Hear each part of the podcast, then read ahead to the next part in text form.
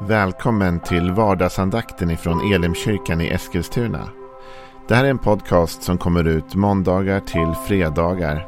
Om du vill veta mer om vilka vi är, vad vi tror på, hur du kan komma i kontakt med oss eller vad vi kan erbjuda dig för någonting så gå in på www.elimkyrkan.com. Får jättegärna gå in och likea vår Facebook-sida. Det är facebook.com elimeskilstuna.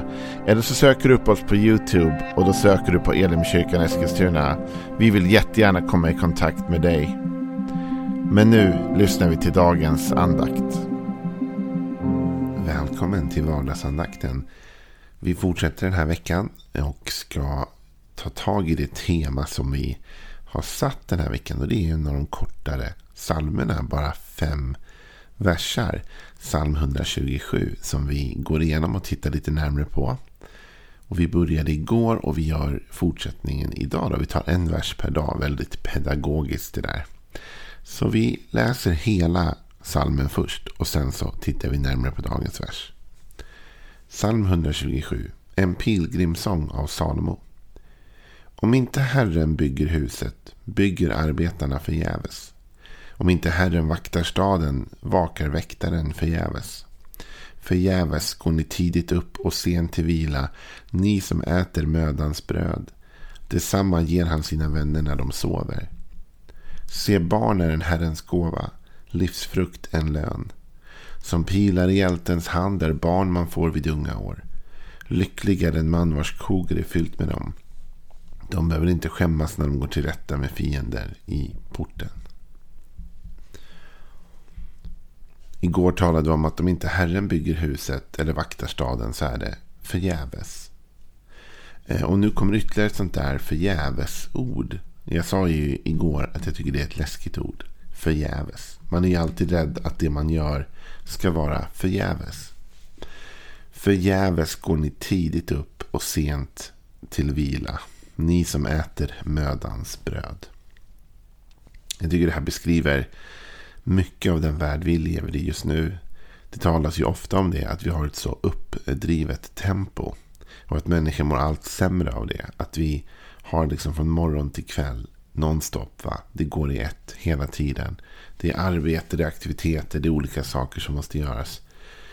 Och här talar Saltarens författare då, i det här fallet, i det här kapitlet, Salomo, om att det riskerar att kunna bli förgäves.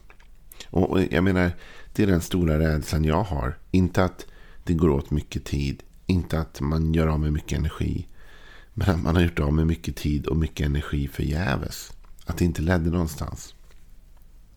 Och vi talade igår om att om inte Herren är den som ger oss vad vi ska göra så är risken att vi bygger något som inte håller. Här talas det om insatsen för mödan för brödet. Alltså, vi går upp vi kämpar för att få tag i bröd. Och bröd symboliserar ju det materiella såklart. Det symboliserar behov, det vi behöver för att äta, leva. Men det symboliserar också allt det vi vill ha och längtar efter. Vi skulle ju kunna dra ner tempot en del av oss om vi sänkte vår ambitionsnivå vad det gäller drömmar och liv. Men det vill vi ju ofta inte göra. Utan vi kämpar på från morgon till kväll. Och då tänker jag så här. Det är viktigt när man läser en sån här vers i Bibeln att man först tänker vad säger Bibeln som helhet? Är Bibeln emot hårt arbete? Är Bibeln emot att man liksom jobbar hårt? Nej, tvärtom så ser vi i Bibeln gång på gång att Bibeln uppmanar oss till arbete. Och Ordspråksbokens författare Salomo som också skriver den här versen är ju själv den som säger att vi ska titta på myran, hur myran arbetar och sliter och kämpar. Och vi ska ta lärdom av det. Och Salomo som har skrivit, som jag sa, den här salmen är ju den samma författaren som gång på gång upprepar i predikan i Ordspråksboken om hur den late kommer liksom komma till fördärv med den som kämpar hårt och arbetar blir välsignad. Så David, eller Salomo har absolut ingenting emot hårt arbete. Tvärtom är han en av Bibelns största förespråkare för arbete. Kanske finns få i Bibeln som skriver så mycket om att arbeta som Salomo gör. Men han vet nog också då att ibland riskerar även det goda arbetet att gå förgäves. Va? och när vi sliter och kämpar från tidig morgon till sen kväll. Eh, då är det risken att vi gör slut på oss själva. Och så lägger han till en knorr här som är så spännande tycker jag. Detsamma ger han sina vänner när de sover.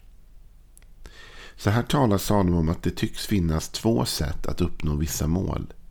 Att få tag i brödet. Det ena är att slita ihjäl sig själv genom att gå upp tidigt och sent till vila. Att jobba nonstop och frenetiskt och kämpa. Det andra är att ta emot det från Gud. Detsamma ger han sina vänner när de sover. Och här kommer vi in på favör som vi talat om någon vecka tidigare. Här Här kommer vi in på när Gud ger oss en fördel. Att Gud kan ge oss saker när vi sover. När vi är inaktiva, när vi är passiva. Kan Gud ändå låta välsignelse komma över oss. Detsamma ger han sina vänner när de sover. Och då kommer vi till en jätte, jätteviktig distinktion här. Och det är att den som går upp tidigt och går sent till vila därför den arbetar för att nå de här målen. Har väldigt lite tid över för relationer. Det ger ju sig självt. Jag jobbar ju hela tiden. Jag har inte tid att träffa andra människor eller bygga relationer eller så. Och har jag inte tid att bygga relationer med människor, med vänner, bekanta. Så har jag absolut säkert inte heller tid att bygga relation med Gud. Och här står det ju inte att Gud ger till alla när de sover. Utan Salomo säger detsamma ger han sina vänner när de sover. Detsamma ger han sina vänner. Det är ju relationellt. Och här förstår vi att den här gåvan vi får ta emot får vi ta emot därför att vi är i ett vänskapsförhållande med Gud. Nya testamentet går ju ännu djupare och talar om att vi är Guds barn. Så vi måste ha tid över till relationen med Gud. Och problemet blir när du och jag sliter så hårt för alla de drömmar vi vill uppnå, för allt det vi vill åstadkomma, att vi inte har tid över i vårt schema för relationen med Gud. Vi hinner inte gå till kyrkan på söndagen. Vi hinner inte be på vardagarna. Vi hinner inte läsa Bibeln. Vi hinner inte sitta en stund och andas in och tänka och söka Guds ledning. Utan vi är så stressade hela tiden för allt vi vill uppnå. För allt bröd vi måste jaga in. Men om vi inser att den här relationen med Gud producerar det vi behöver. Att om vi bara ger Gud tid och ger Gud det här som han behöver och vi bygger på den vänskapsrelationen så kommer den generera saker vi behöver. Så här säger Jesus i Matteus. Så säger han, Sök först Guds rike och hans rättfärdighet. Så ska ni få allt det andra också. Och då talade Jesus om kläder och mat och sånt. Sen, om ni först söker Gud så kommer ni också få det andra. Men som jag sa, vi får väga hela tiden, hålla oss på mitten av vägen. Det här är inte en, en andakt om att inte arbeta, tvärtom. Bibeln uppmanar oss till arbete. Men ser du att det Salomo beskriver här är ett överdrivet arbetande. Från morgon till sent.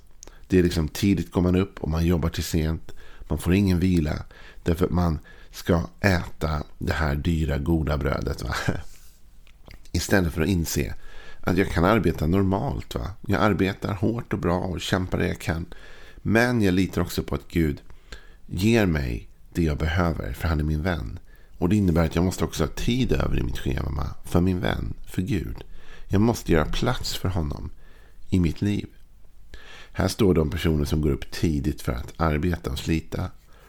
I Markus 1.35 så står det att Jesus går upp tidigt. Medan det ännu var mörkt gick Jesus upp och gick iväg för att be.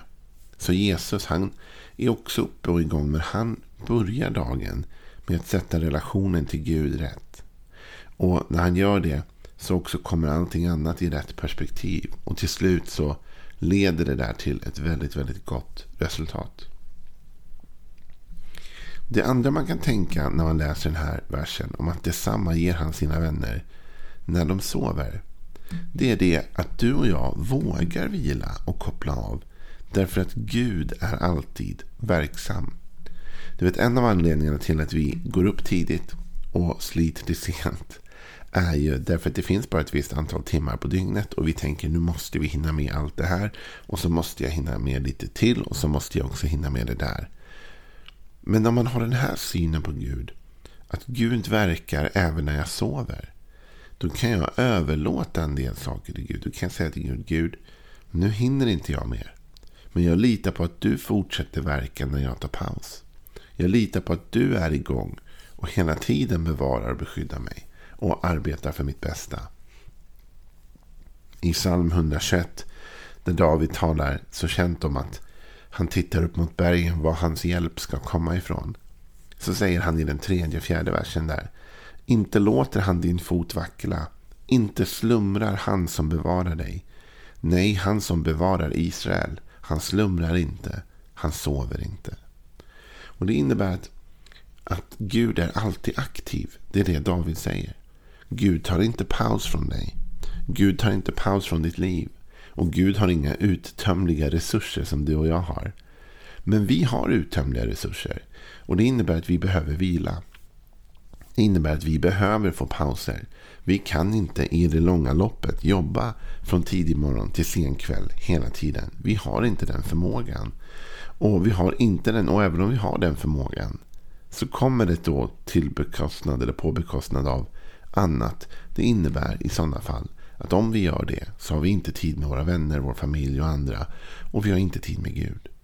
Och vi skulle kunna ha dragit ner lite grann på vårt tempo. Och litat på att Gud ger oss det vi behöver. Till och med när vi sover finns en favör över vårt liv. Tänk om du skulle få in det tänket. Att när du ber din kvällsbön varje kväll. Be till Gud och säga tack Gud. För att jag litar på din favör. Och för att nu i natt när jag sover så fortsätter du att verka. Och imorgon när jag vaknar så vet jag att saker och ting kan ha rätt upp sig av sig självt. Fast inte av sig självt. Utan genom det att du jobbar Gud. Men jag litar på att du verkar när jag vilar. Ehm, och därför så kan vi få ro.